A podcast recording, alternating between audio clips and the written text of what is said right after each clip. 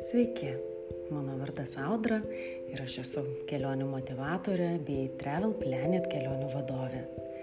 Nors šiuo metu, kaip ir daugelis iš jūsų, niekur nekeliauju ir dirbu iš namų, tačiau prisiminimai iš įvairiausių kelionių, sutikti žmonės ir išgyventos akimirkos ir yra tai, kas mane labiausiai palaiko šiuo neįprastu metu. Nes ir prisiminti, ir dalintis, ir svajoti, juk niekas nedraučia. Šiandien noriu su jumis pasidalinti savo kelionių užrašais apie Braziliją, o konkrečiai apie tris dažniausiai girdimus mitus apie šalį. Pirmas. Brazilija nesaugiausia šalis keliauti. Antras. Brazilijoje viskas sukasi apie sambą. Trečia Brazilijoje pačios gražiausios moteris. O dabar apie visus juos išsameu. Taigi pirmasis mitas, kad Brazilijoje labai nesaugu keliauti. Žinoma, tikrai visi esame apie tai girdėję ir net neįsivaizduojame, kad gali būti kitaip. O aš tuo tarpu noriu pasakyti, kad nesaugu yra visur, kur būriuojasi daug žmonių, ypač turistų. Tačiau kiekvienoje šalyje yra ir sąžiningų, ir nesažiningų žmonių. Nes būtent Brazilijoje mane nustebino žmonių nuoširdus rūpestis turistais ir sažiningumas. Kai vieną kartą geram pusdieniui mes palikę išnuomotą mašiną, grįžę prie jos radome kelis vietinius. Jie pasakė, kad ją saugojo nuo ilgapiršio. Tai dar labai mūsų nenustebino, nes tai pasitaiko kartais keliaujant nes, na, vietiniai taip tipis, tikisi užsidirbti arbatpinigių. Tačiau, kai mes juos pasiūlėme, na, tie vyrukai atsisakė paimti pinigus, motivuodami tuo, kad nori, jog mes jų šalyje jaustumėmės saugus ir apie tai papasakotumėm savo draugams. Tai iš tiesų, na, net jei be abejo, na, reikia saugotis, tačiau, na, nenoriu, noriu pasakyti, kad reikia saugotis kaip ir keliaujant į bet kokią šalį. Antras mitas kad viskas sukasi apie sambą.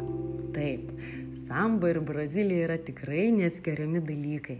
Tačiau tikėtis, kad vos tik atvykus į šalį papulsi į sambo siautulį, na, yra, sakyčiau, tas pats, kas Gedimino prospekte viduriai darbo dienos išvysti žmonės šokančius polką su ragučiais.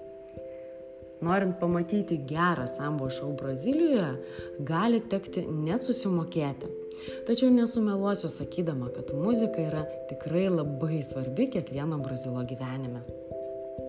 Gal dar pamenate tuos laikus Lietuvoje, kai apie vairuotojo statusą buvo sprendžiama ne pagal automobilio markę, ne pagal spalvą, bet pagal sklindantį muzikos garsą.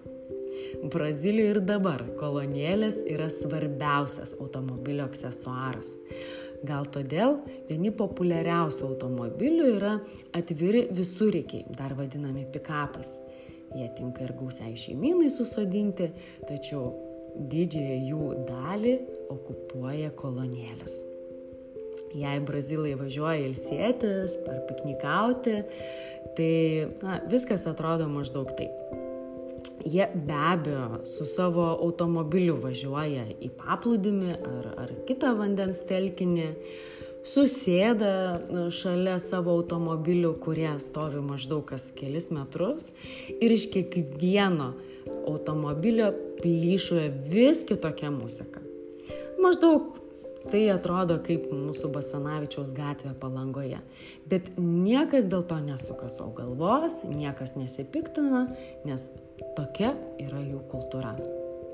Žinoma, galima dar nusistebėti, kad jie važiuoja automobiliu į paplūdimį, bet, na, kai Brazilijoje yra daugiau nei 7000 km pakrantės, tai be, be jokios abejonės jie netaip ją saugo, kaip mes čia Lietuvoje.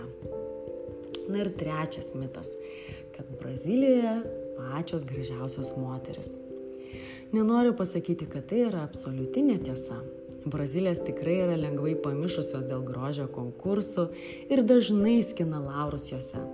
Tačiau tikrai pastebiu vyrų nusivylimą, kai jie išvažiuoja iš sostinės į mažesnius miestelius ir na, manekeniškos išvaizdos moterų netiek jau ir daug.